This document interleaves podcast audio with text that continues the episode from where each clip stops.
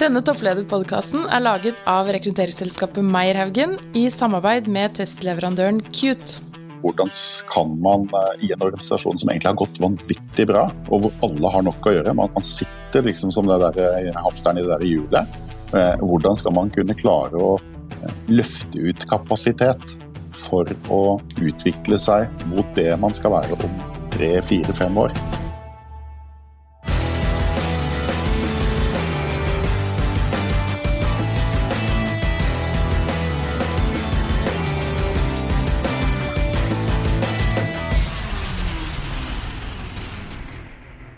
Henrik, nå er vi klare for en ny episode av uh, topplederpodkasten til Meyer Haugen. Ja, det er vi. Og eh, det er jo spesielle tider. Men med oss digitalt i dag så har vi leder for HR eh, Norge, selveste Even Bolstad. Hjertelig velkommen til oss. Tusen, tusen takk for invitasjonen.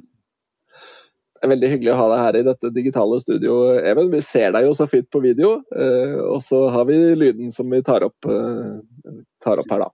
Live fra hjemmestuen live fra hjemmestuen i disse koronatider. Um, Even, som Henrik sa, velkommen og hyggelig, og hyggelig å ha deg med oss. Um, vi skal snakke litt om ledelse, om toppledelse, og hvordan du opplever det å være på toppen av organisasjonen du jobber i. Um, og uh, veldig kjapt kan du, altså, For de som da eventuelt ikke kjenner deg eller HR Norge, uh, noen ord om, uh, om rollen din og organisasjonen? HR Norge er en medlemsorganisasjon, et kompetansesenter for HR, eh, ledelse, kompetanse, belønning, alle de eh, områdene der.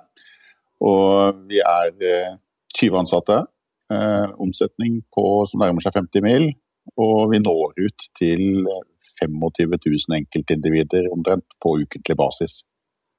Eh, nesten alle store norske virksomheter er medlem, de er eiere av HR Norge. Det betyr også at alle ansatte i alle de store som er medlemmer, også mange små, de har fri tilgang til alt som ligger på, av kompetanseutviklingstilbud på hjemmesidene våre. Det var tekstreklamen Vårnorge.no. norge.no. Så bra. Og vi er jo medlem vi òg, Henrik. Det er vi. Dere er kloke. Dere er kloke. Så, veldig, veldig bra. Um, Henrik, vi, vi, skal jo ta en liten prat nå med Even om, eh, om toppledelse. Så etterpå så skal, skal, du få lov til å slippe løs og stille han disse tre kjappe på slutten. Hva slags tre kjappe er det han skal få lov til å svare på da? Ja, Vi har jo litt ulike fra gang til gang, Sverre, men i dag så har vi valgt fram følgende tre. Og det er eh, Evens beste tips til fjernledelse i disse videomøtetider. Dine beste serietips til lytterne. Og hvor henter Even inspirasjon? Så tenk litt på det, så tar vi opp det mot slutten av sendingen vår. Ja, så Det skal du også få lov til å tenke på. Du får jo ikke lov til å svare helt ennå, Even. Men vi skal spørre deg om noe annet, fordi dette handler jo litt om å komme bak, eh, bak uh, websiden og bak fasaden og bli litt kjent med deg som person også. Uh, så la oss begynne der. Og da er jo spørsmålet jeg har til deg, Even. Hvis jeg hadde møtt deg nå på en sosial samling, en fest eller hva det nå skulle være, og det var faktisk mulighet til å stå og snakke sammen, sånn som ikke det er så lett nå for tiden, hva skulle jeg valgt å snakke om da for at du virkelig hadde fått vann på mølla og blitt engasjert? Det er to ting som, fall, som er ganske forskjellige, som ville kommet med en gang. Det, er, det ene er at jeg er sykelig opptatt av eh, fotball og friidrett. Så det er fotball, altså? Eh, det er liksom en klassisk middelaldrende mann eh, som har gått fra å være halvveis lovende til å innse at det ble med halvveis. Og så er det det der med politikk, dreining mot arbeidsliv og samfunnsliv. Der, eh, der gløder jeg. Ja, og, og, når det kommer, du sa, det, Hørte jeg riktig at du sa fotball og friidrett? Ja, jeg drev med friidrett en gang. Og ja. følger med sånn uh, noenlunde.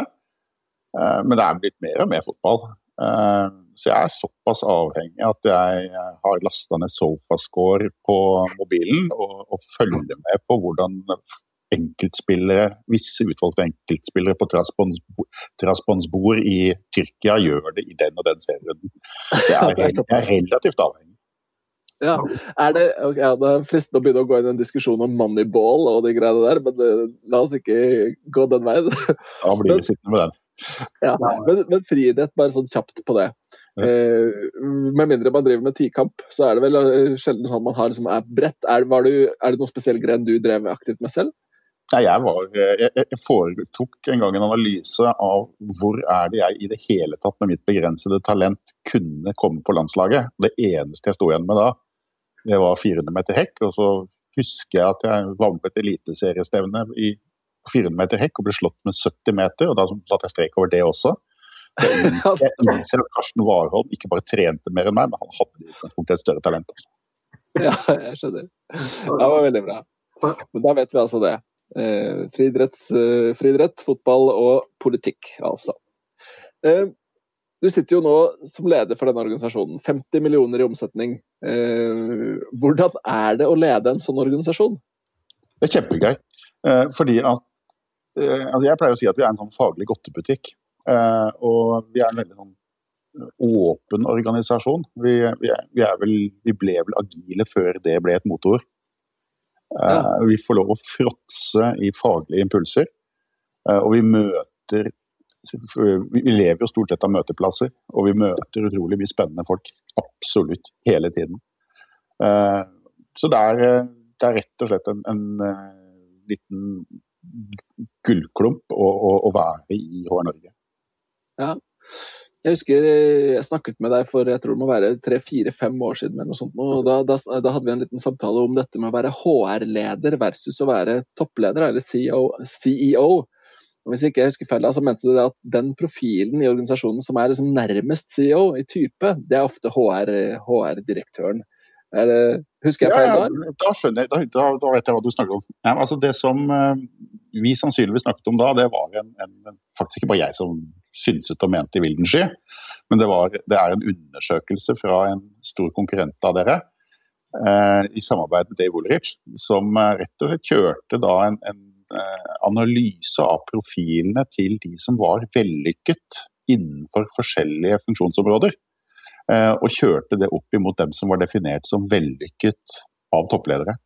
Og, og, det som overrasket mange, det var akkurat det du sier, at uh, eh, HR-lederne var de som var tettest på eh, topplederne. De beste HR-lederne, de beste topplederne, hadde nesten full match. Ja.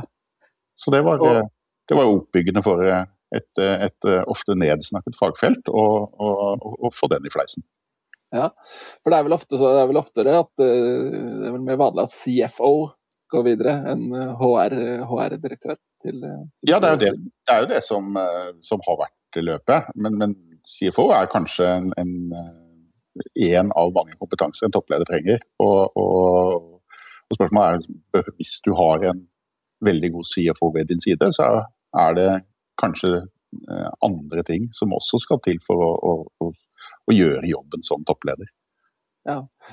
Hva med, hva med, din reise, da? Hvor, hvor, kommer du fra inn i den jobben du har? Nei, jeg er jo egentlig utdannet for å kjøpe jagerfly. Eh, det er min utdanningsbakgrunn. Så, så jeg, jeg, startet på Sjøkrigsskolen. Luftforsvaret sendte noen på Sjøkrigsskolen fordi at de i sin langsiktige personalplanlegging fant ut at de trengte vel noen som skulle sitte på kontrahering av nye jagerfly om 20 år frem i tid.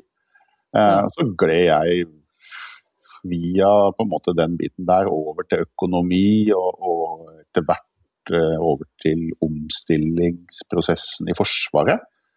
Og så plutselig så var jeg inne i uh, dette med menneskeorganisasjon. Og, og uh, så endte jeg opp i det som etter hvert ble til HR Norge for en god, god del år siden. Hadde en, en spennende snuprosess der. Og så har jeg vært med HR Norge siden. Ja. Så, så du, du, var ikke leder for organisasjonen da du kom inn, eller var du der fra start? Nei, Vi var to uh, organisasjoner som uh, levde side ved side og var konkurrenter. Det var noe som het uh, SPO og noe som het NIPA, Norsk institutt for personaladministrasjon og studie, og, og Senter for personal- og organisasjonsutvikling. Nå er vi tilbake langt i tiden. Og så gikk den ene rett og slett over ende. Og så kom jeg inn fra den andre, og så reddet vi den litt i fallet. Og så bygde vi det som i dag er HR Norge. Ja, og Hvor, hvor lenge har den reisen vært? I dag? Det var 20 år. 20 år, ja. Jeg må da har lyst til å spørre, Even, på de 20 årene, hvordan har HR sin posisjon endret seg hos dine medlemmer? Kan du si noe om det? Hvordan... Ja, jeg, tror, jeg, tror, at det aller, aller viktigste som har skjedd, det er på en måte at, at HR og, og ledelse, HR-funksjonen, er blitt trukket mer mot den strategiske kjernen i virksomheten. Vi ser en nye generasjoner av ledere som av HR-ledere som har med seg en litt annen ryggsekk enn de som var før dem. Og så ser vi også det at virksomheten etterspør jo den kompetansen som forutsetningsvis HR skal levere. Og vi ser at de som kommer opp nå, nok i mye større grad klarer å matche det behovet som er. Og det er jo på en måte, det er på en måte den strategiske kjernen. Det er der det skjer. og, og det ser du også internasjonalt på at HR har jo fått en stadig sterkere stilling i det som er av toppledergrupper. Eh, det er ikke mange store internasjonale virksomheter som ikke har HR der, f.eks. Og eh, vi ser også det at eh, begynner å, man begynner å plukke CEO fra HR sine rekker. Men da er det gjerne folk som ikke bare har HR-erfaring, men som gjerne har en, en linjeerfaring i tillegg, og som har vekslet litt inn og ut. Bygge bredde. Der har vi jo noen eksempler, sånn som i Visma, hvor uh, Merete Vervenbull går inn som leder. Merete er den siste. Ja. ja. Uh, hvis vi snur perspektivet, da, for da ga jo Henrik oss et blikk i bakspeilet. Hvis vi snur oss framover, hva, hva, hva, ser vi, eller hva ser dere, da? Er de store endringene, disrupsjonen, som kan komme potensielt innenfor HR-feltet framover? Jeg tror at det å bygge breddekompetanse og på en måte klare å ta inn det der store perspektivet, jobbe mer strategisk og, og se hva som ligger eh, i virksomhetens fremtidsplaner. Og bli mer proaktiv strategisk.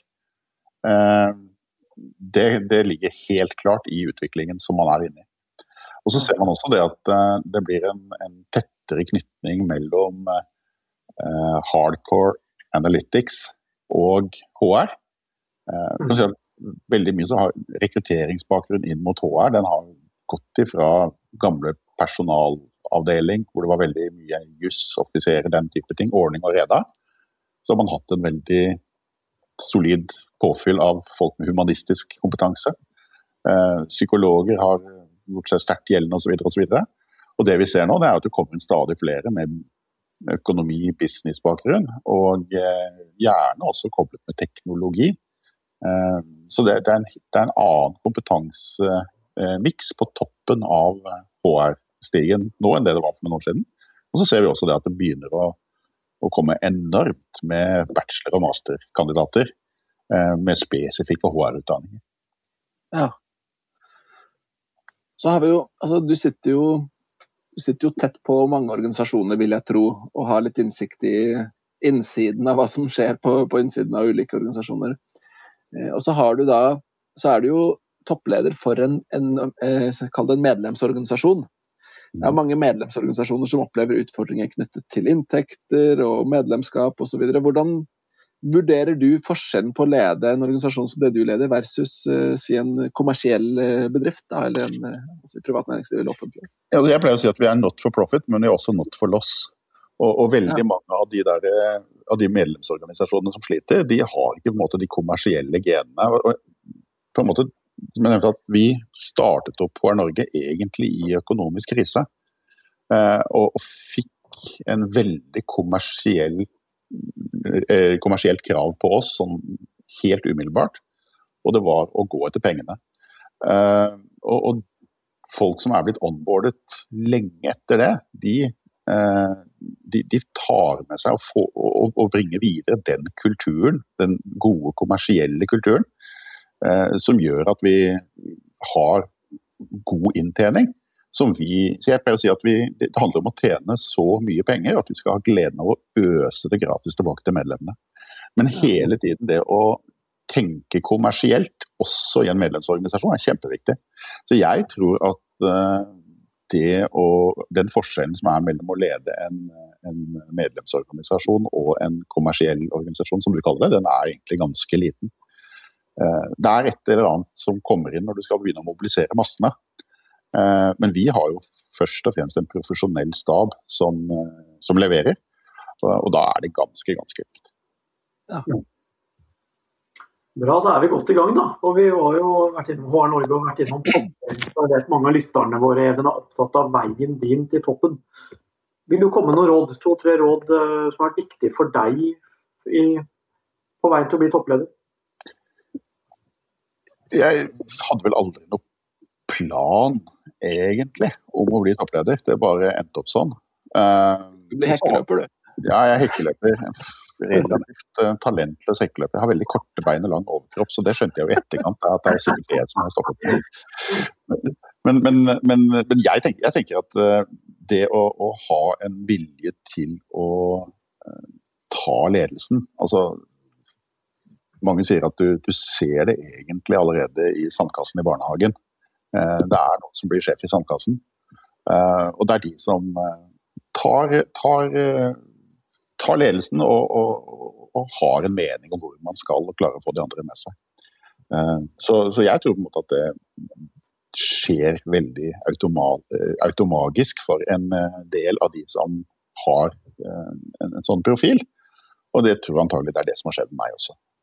Men hvis jeg, hvis jeg spør om det, da. Det er jo en veldig interessant refleksjon. Og da er jeg nysgjerrig på For du har jo ikke tenkt sånn alltid om du, om du, nå var den typen som satt i sandkassen og tok ledelsen, da, så hadde du ikke gjort deg den refleksjonen. Husker du når du skjønte det, eller når du liksom innså det? Ja, men jeg, jeg vet ikke. Eh, ikke Godt første lederjobb var vel elevrådsformann, tror jeg. Eh, ikke sant? Tillitsvalgt på Sjøkrigsskolen. og liksom, Så bare dro det på seg.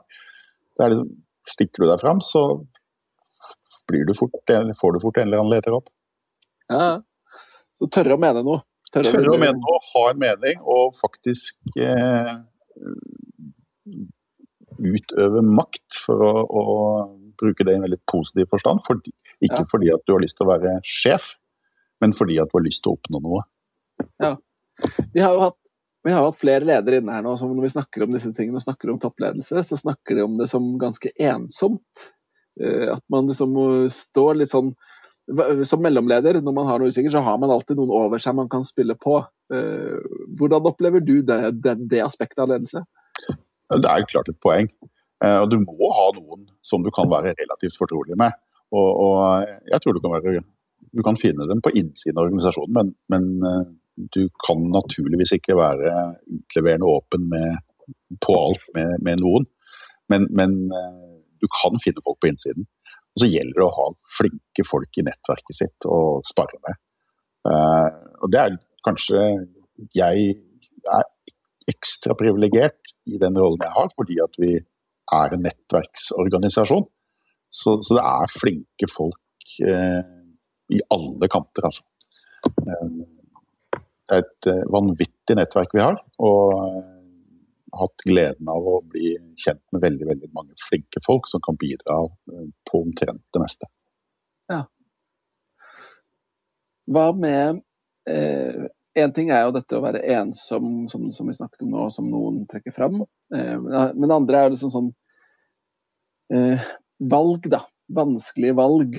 Mm. Eh, hvis du tenker over liksom den, eh, den, situasjonen du har vært i, da, hva, hva, hvilke type valg er det du opplever som de mest krevende da, som toppleder? Det mest krevende er jo tror jeg, der hvor det får konsekvens for mennesker. Ja. Eh, det å um, gå til oppsigelse tror jeg er noe av det verste ja. Eh, man er gjennom. Jeg tror ikke bare gjelder meg. Men, men det å ta de samtalene der, det syns jeg er kjempevanskelig. Eh, det gjelder eh, ikke bare på en måte hvis det er, eh, hvis det er individets forhold, som det heter i, i jussen. Men, men det, kanskje i enda større grad når det gjelder at du rett og slett ikke har jobb til alle. Og det syns jeg har vært, kanskje, når jeg ser bakover, noe av det verste. Det, er, det, gjør noe med deg når folk sitter og gråter på kontoret ditt. Ja.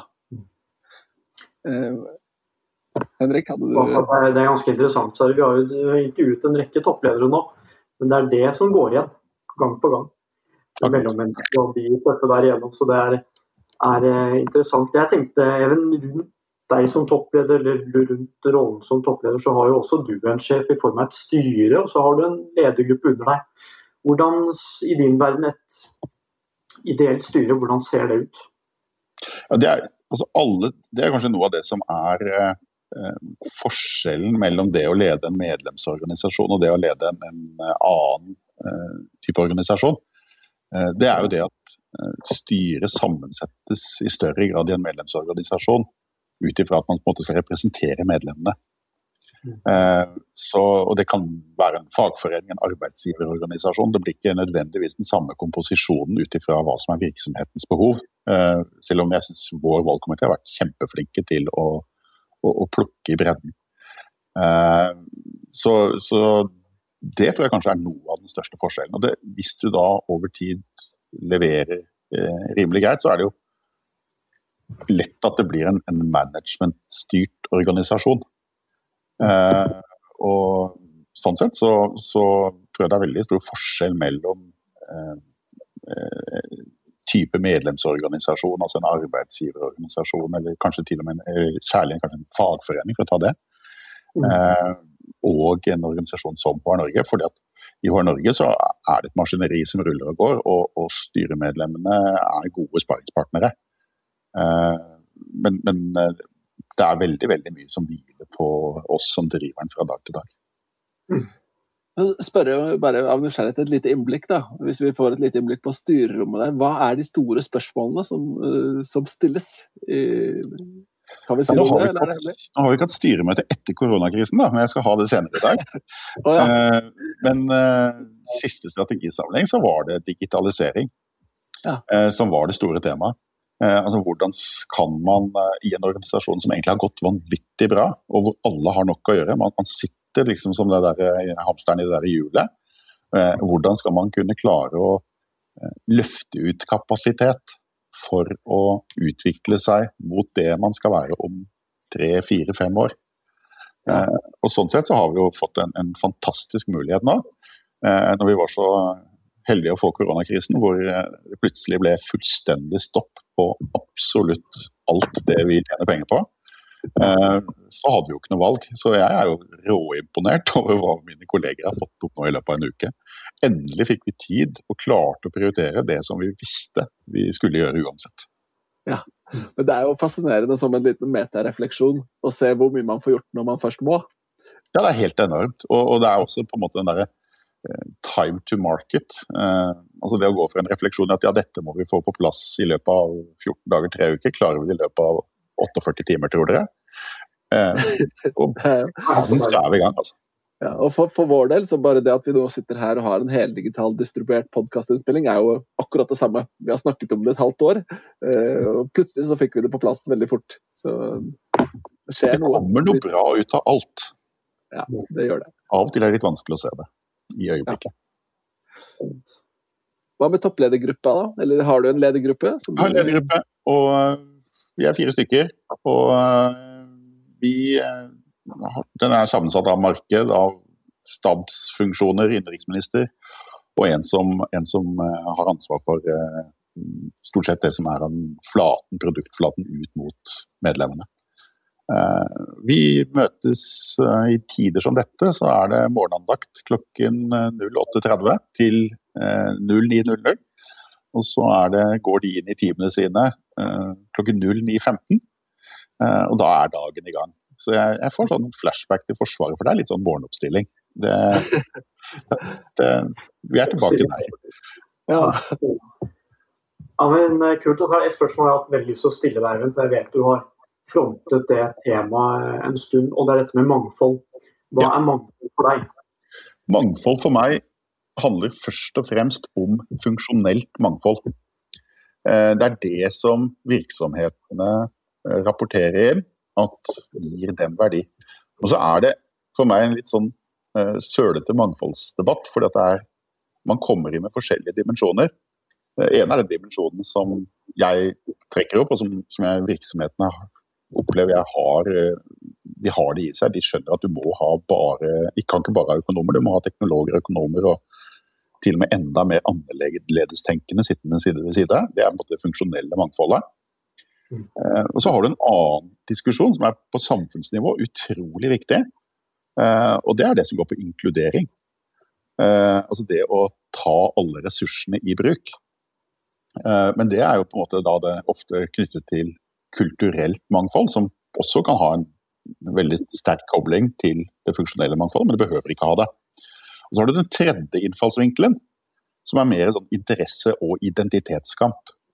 Eh, det kan gå på profesjon, det kan gå på kjønn, det kan gå på vet ikke hva.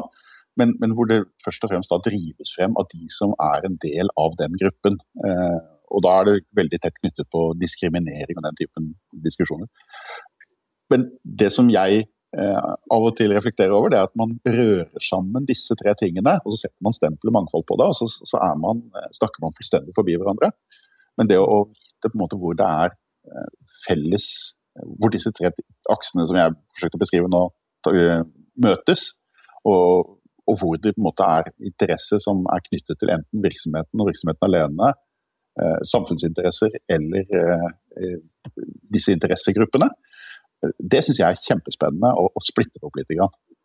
Ja, jeg, jeg må få lov til å være litt kommentator her nå, for de som eh, sitter og lytter på dette, de kan jo ikke se deg sånn som vi gjør. Men vi ser jo et kroppsspråk som uh, våkner til her. Jeg lurer på om vi kanskje har funnet den tredje temaen vi kan snakke om på fest. Så det virker som det var noe engasjement der. Ja, det er ganske lett å tenne. Jeg, jeg må, og Dette leder meg til et spørsmål som jeg er veldig nysgjerrig til å høre din refleksjon rundt også. fordi Vi jobber jo innenfor rekrutteringsfagfeltet og egentlig rundt en idé om at det er en del ting som ikke funker som det skal i rekruttering. Mm. Uh, så jeg har lyst til å spørre deg et uh, følgende spørsmål. og det er, Hvis du kunne fikset én ting innenfor rekruttering, hva skulle det vært? Altså, eller Hvor tror du vi burde legge kruttet for å gjøre rekruttering bedre da, i Norge? Oi, det er en svær greie. Uh, altså det, jeg oppfatter jo dere som en bransje som er i kraftig endring.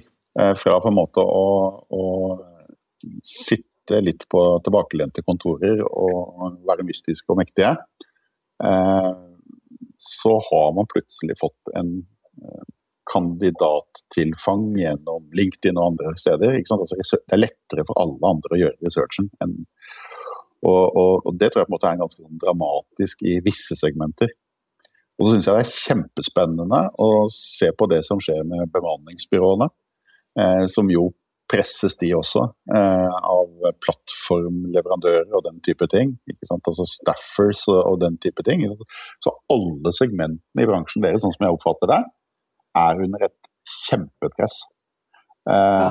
Og det å være tett på virksomhetene og, og, gjøre virksomhetene enda bedre i forhold til å gjøre kravspekken i forkant, eh, det, der tror jeg på en måte at eh, mange har mye å gå på. Men jeg, jeg, jeg syns at bransjen er blitt veldig mye proffere i de årene jeg har holdt på, enn en det jeg opplevde for 15-20 år siden. Ja. Det har skjedd, skjedd mye der òg. Ja, det har skjedd mye. Ja. Skal vi ta en liten prat om, om personlighet? Ja. Vi har, jo har for så vidt snakket litt om typen i sandkassa som eh, Jeg vet ikke, var du, var du den som tok ledelsen i sandkassa? Ja, det husker jeg ikke. Det husker jeg ikke. Men jeg, jeg, vet på et eller annet tidspunkt at jeg fikk lov å slutte i barnehagen. Fordi at jeg hadde en eller annen konflikt med en annen om en eller annen spade. Jeg bare nektet, og min mor lot meg få lov å være hjemme. Eh, så jeg vet ikke eh, om jeg da hadde forsøkt å ta en ledelse som jeg egentlig ikke var berettiget til. Jeg aner ikke hva som var bakgrunnen. Men det er, noe, det er noe der. Noe historikk. Eh, hvis, jeg, hvis, jeg, hadde spurt folk som kjenner deg, da, som ikke jobber med deg, men som kjenner deg privat, hvordan tror du de ville beskrevet personligheten din? Jeg, jeg håper ikke at det ville vært så veldig forskjellig fra de som jobbet sammen med meg og de som jeg kjenner privat, men jeg, jeg tror veldig fort at energi er et ord som kommer opp ganske tidlig. Altså energi, entusiasme. Eh, det er veldig få eh, tester profesjonelt jeg har hatt som ikke får det på toppen. Uh, og jeg tror faktisk at folk ville snakket om det også privat, i hvert fall hvis du er på de tette vennskapene. Ja. Ellers så tror jeg på en måte det er nok ganske synlig. Så det, det, er nok noe der, tror jeg, som på en måte ville, ville, ville kommet frem. Og jeg håper jeg er en veldig god, tett samtalepartner for de som, for de som er tettest på. Ja, Vil det si at du er god til å lytte? Ja, jeg tror jeg kan være god til å lytte. Det er ikke alle av mine kolleger og andre som ville si at uh, Hva er det man snakker om? Krokodillefaktoren. altså Forskjellen med hvor store ører du har og hvor lang snute du har. Uh, det er jo Noen som vil si at krokodillefaktoren uh, av og til er litt sånn tvilsom. Men, men i gitte sammenhenger så tror jeg jeg er veldig god til å lytte. I andre sammenhenger ja. så slår jeg litt mer av. Det må jeg innrømme. Hva, hva, med, hva, med, struktur? Er det, er det strukturert? Uh, veldig semistrukturert, tror jeg. Nei, jeg, jeg tror jeg, jeg, jeg, jeg scorer nok ikke så høyt på struktur som mange andre. Det er nok en av de tingene jeg scorer lavere på. Jeg er, det er kanskje Jeg er ikke psykolog, men jeg, innbiller meg at det har noe å gjøre med den entusiasmen og gløden som gjør at du av og til kan bli fanget av spennende ting som plutselig lå til høyre for deg. Eh, og Sånn sett så er det kanskje morsommere å jobbe og kjøre passport enn å kjøre hangarskip. Riktig. Ja, for vi, vi, jobber jo med, med Qt som testleverandør, og Qt har en test som heter Shapes Executive.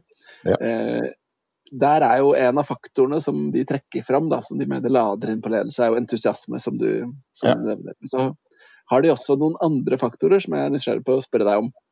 Eh, vil du f.eks. si at du er eh, behersket? Ja, jeg vil si det. Og eh, jeg, jeg, søker på en måte legitimitet i tester. som, som, sier at jeg, jeg er eh, behersket. Eh, jeg har andre som går opp og ned ved siden av meg, og, og jeg gjør ikke det i samme grad. Og det, det tror jeg av og til er en fordel. Og av og til så er det um, sikkert en ulempe også. Men, men, ja, jeg er behersket. Jeg må jo få lov til å spørre deg som nysgjerrig person. Når du sier 'jeg søker legitimitet i tester', betyr det at, du, at det er andre som ikke mener du er behersket? Nei, jeg tror ikke det. Men altså, det er et eller annet med det, måte, altså, det å kombinere behersket og entusiasme. ikke sant? Altså, eh, det å være entusiastisk kan også oppleves som eh, å være det motsatte av det du spør om. Men ikke ja. en følelsesmessig stabilitet, hvis du på en måte kaller det det, ja. Eh, så scorer jeg, scorer jeg over snittet på det. Ja, nettopp. Hva med Og da kan, man jo, da kan det jo være fristende å tro at du er optimistisk anlagt, er du det? Ja, jeg er det. Ja. Eh, jeg er grunnleggende optimistisk. Altså, jeg tror det er veldig eh, krevende å, å, være det motsatte hvis du skal ha en rolle. Men samtidig så må du, eh, så må du være notorisk i tvil også. Fordi at eh, det er risiko som ligger rundt hele veien. Og, og, og, det å hele tiden ha radaren på hva som kan gå galt, det er jo, det er jo en del av jobben. Eh, ja. Men, men, jeg tror det er mye lettere å komme gjennom livet hvis du smiler og ser etter sola, enn hvis du bare fokuserer på skyene. Ja. Eh, vi skal snart eh, la Henrik få lov til å slippe til med de tre kjappe på slutten. Men jeg har lyst til å stille ett til spørsmål rundt personlighet, Even. Eh, og da må vi koble det inn mot ledelse. Hvis du skulle se på deg selv, din personlighet, inn i den rollen du har som toppleder for en organisasjon med 50 millioner i omsetning, hvilke personlighetstrekk har du har jobbet for deg, og hvilke har du måttet jobbe mot for å liksom være i den posisjonen du er i i dag? Da? Jeg tror akkurat det vi har vært inne på nå, altså entusiasme eh, og, og, på en måte det, og optimisme i kombinasjon, tror jeg på en måte er eh, det, det tror jeg er veldig viktig, særlig i tider som er litt tøffe. Eh, fordi at eh, hvis folk ser til deg, og hvis du går og henger med hodet, eh, så er det veldig vanskelig å kommunisere at uh, dette går nok bra, skal dere se. Ja. Så jeg tror på en måte det har vært en, en styrke. Og så er det kanskje noe med energien og, og, og den biten der. sånn. Altså jeg tror at veldig mye av den, det lederskapet som ikke bare i en organisasjon som den jeg har ansvar for, men, men i mange andre kommer til å bli viktig fremover, det er jo dette å kunne gi slipp. Ja. og jeg er ikke veldig detaljfokusert. Jeg tror det er en styrke i noen sammenhenger, fordi at du faktisk da har muligheten til å, å gi slipp på mye av det som ligger i det operative. Uh, og jeg har en profil som nok uh, gjør at jeg er sterkere på det å hive opp baller, enn å ha stor glede av å bruke mye tid på å eh, sluttføre. Ja, så med den profilen der, sånn, så må du også sørge for at du har folk rundt deg som, gjør, som balanserer deg.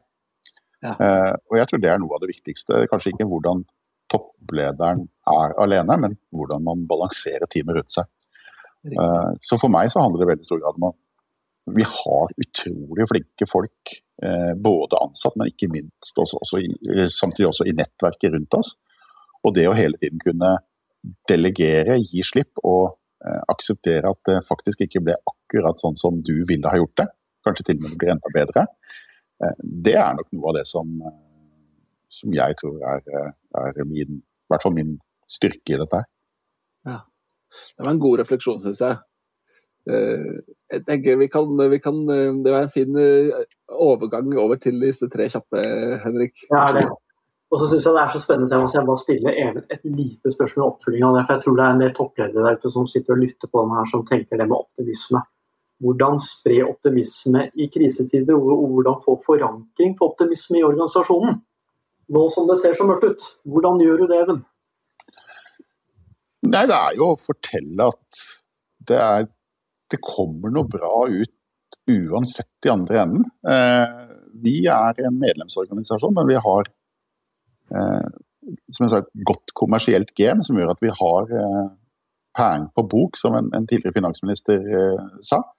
Og, og, og, bare det på en måte å kunne gi den der sikkerhetsplanken i bunn, om at det kan hende det blir permittering hos oss også, men eh, det sitter fryktelig langt inne, og vi ser ikke konturen av oppsigelser. Det er i seg selv det å kunne fortelle det, eh, og så kan man begynne å snakke om hva vi nå kan gjøre. Eh, og Det betyr at selv om akkurat nå så renner pengene ut, så tror vi at det kommer et eller annet på andre siden som faktisk kan være enda bedre. Det, det opplevde jeg i, skapte en, en, Det er en forutsetning å på en måte ha den tryggheten og ikke være så redd for seg selv og sin egen økonomi og, og alt det der, uh, for å kunne gå entusiastisk ut og jage mulighetene. og når vi da har altså litt trykket litt på dette med time to market og Pippi-faktor, det har jeg ikke prøvd før, så det får jeg sikkert til. Så har i hvert fall jeg blitt jeg er blitt råimponert over hva som er levert av eh, og med mine gode kolleger i løpet av en uke eller så. Eh, men, men jeg tror ikke det hadde vært mulig uten at man tegnet et fremtidsbilde eh, hvor den enkelte kunne se seg selv i en eller annen positiv rolle, både på kort og lang sikt. Mm. Syns jeg var veldig gode refleksjoner i en spesiell tid for uh, oss alle. og Med det så er det en fin bro over da, Sverre, til uh, de tre kjappe som hun også yes. går på landing på. og Jeg, jeg gyver løs, jeg. Ja, kjør på. Tips til fjernledelse? Jeg tror veldig på bemyndigende ledelse. Eh, som er eh, Altså, vi har så mye flinke folk rundt omkring i organisasjonene. Og det å på en måte kunne eh, gi dem muligheten, gjerne i små team. For jeg det tror jeg også er en viktig del nå i den tiden som vi går inn i. Å lage små team så at man kan få tette samarbeidsrelasjoner. Eh, og la dem få lov å spinne i veldig stor grad alene, eh, basert på tydelig mandat. Det er noe av det som vi forsøker å rigge opp enda tydeligere nå. Eh, jeg, og, og, du, og, så tror jeg det er viktig å ha touch-in, eller check-ins hele tiden. Og ha touchdown på, på, sånn at man får se hverandre. Eh, det er et eller annet som eh, fungerer mye bedre når man ser hverandre på skjerm, enn når man sitter og snakker på telefon. Mm. Og, jeg har vært sånn min kalender, og jeg vet mange av kollegene mines kalender. De, vi sitter i, i, møter hele tiden, men det vi egentlig gjør, det er å snakke sammen. Mm. Og, og, og, jeg tror på en måte det er en viktig faktor. At man ikke blir surrende rundt på hjemmekontoret alene. Uh, tett på, tett på, korte frister. Eh, og, og, gjerne at man setter fristene selv, for all del. Eh, men, men, det hele tiden å være operativt engasjert i et eller annet, og at man ser at det som at man er i ferd med at man skaper seg en selv en god fremtid. Eh, det tror jeg på en måte det, det gjør noe med hver og en av oss. Eh, når vi får lov å være med og, og ta ansvar for egen skjebne. Høres ut som veldig gode, gode råd. Bra. Og så blir jo arbeidsdagen eh, altså Den får jo en slutt, selv om jeg er på hjemmekontor. og Det er en glidende overgang for oss alle. Men når vi da logger ut av hjemmekontoret og skal benke oss foran TV-en, hva er ditt beste serietips? Even? Jeg har gjort unna hele Papirhuset på Netflix. Den syns jeg var en fantastisk serie. Eh, og etter hvert så, som falt av, så ble jeg sittende og se den eh, mutti plutti alene ved anledning. Men det er for meg en av de beste seriene jeg har sett på mange, mange år. Og det kommer forhåpentligvis en ny runde av det. Det er, det er altså dra han av en bank, og så går det litt skeis, og så er det noen gisler og noen greier det er noen sånne småting som det. Og det er en, en intelligent serie, og det er stadig nye tvister. Og det er på en måte de onde som plutselig er gode, og det er, det er så mange dimensjoner i den serien. Den er jo spansk i bunnen, tror jeg. Og så er den elegant dubbet og ligger på Netflix. Den anbefales eh, på det sterkeste. Og den forteller også om prosesser som skjer i grupper som er under press over tid. Så hvis man virkelig skulle pakke det, så kunne man sagt at det er en lederskapsserie. Det er det vel slett ikke, men, men er, det kan kanskje være en unnskyldning for å sitte og se den. Uh, og så må jeg innrømme at uh, Når du er på feel good, så har jeg blitt fullstendig fanget av uh, Kompani Lauritzen siste uken. det er altså for de av oss som har stått i uniform og både og blitt kommandert og kommandert, så er den altså så fantastisk morsom. Uh, og se også igjen hvordan gruppeprosessene skjer. Uh, og hvordan enkeltmenneskene påvirker, påvirkes av, av, det regimet de underlegges. Det er helt fantastisk. Ja. Og så er det mye god humor. Det er ordentlig film. Fjerde tematikken der, altså, for dette var mye spennende. Ja, ja. Vi snakker videre om det neste gang, tror jeg. Ja, og da er det fin bro til det siste spørsmålet. Hvor henter du inspirasjon? Jeg er jo så privilegert at innenfor eget fagfelt, så har vi fått lov til å ja, vasse i spennende relasjoner. Og, og, noen av de beste i verden har man på en måte fått på brødskiven igjen og igjen og igjen. Og jeg burde jo da selvsagt si at eh, noe av det mest spennende er å, å, å høre på de eh, beste innenfor HR. Eh, og de er helt fantastiske. Men jeg syns at det mest spennende for meg nå, det er de som jobber med organisasjonsdesign og den type spørsmål. Eh, strategi. Eh, der henter jeg veldig mye inspirasjon nå. Eh, og det å lete utenfor eget fagfelt, der det er, mer å tilføre der for meg nå enn en, en nødvendigvis å grave seg i de dypeste uh, hulene på, innenfor, uh, innenfor klassisk HR. Mm. Ja. Hvor, hvor, hvor, hvis du skulle tipse liksom et sted, hvor finner man noe bra på det? Uh, du finner utrolig mye på nett. Eh, du finner utrolig mye på nett. Eh, og, og eh, vi har vi, vi, ser det på våre konferanseproduksjoner. Vi har jo, I gode tider så lager vi store produksjoner av, av HR-konferanser.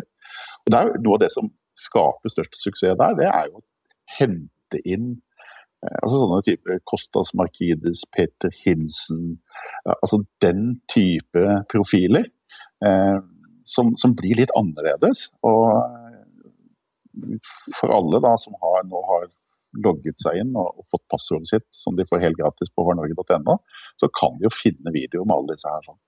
Eh, så jeg, men, men, du finner mye spennende altså, rundt omkring på nett. Eh, YouTube starter der for liksom å snuse rundt. Eh, og, og, og, TED og, og, når man skal ha det litt dypere, så, så, finnes det steder for det også. Veldig, veldig bra.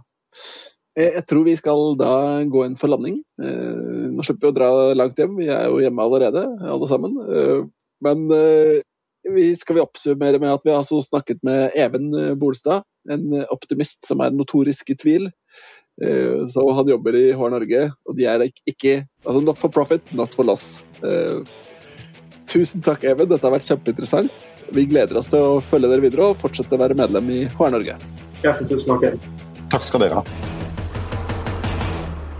Har du innspill eller kommentarer til denne podkasten, kan du sende en e-post til toppleder at meierhaugen.no.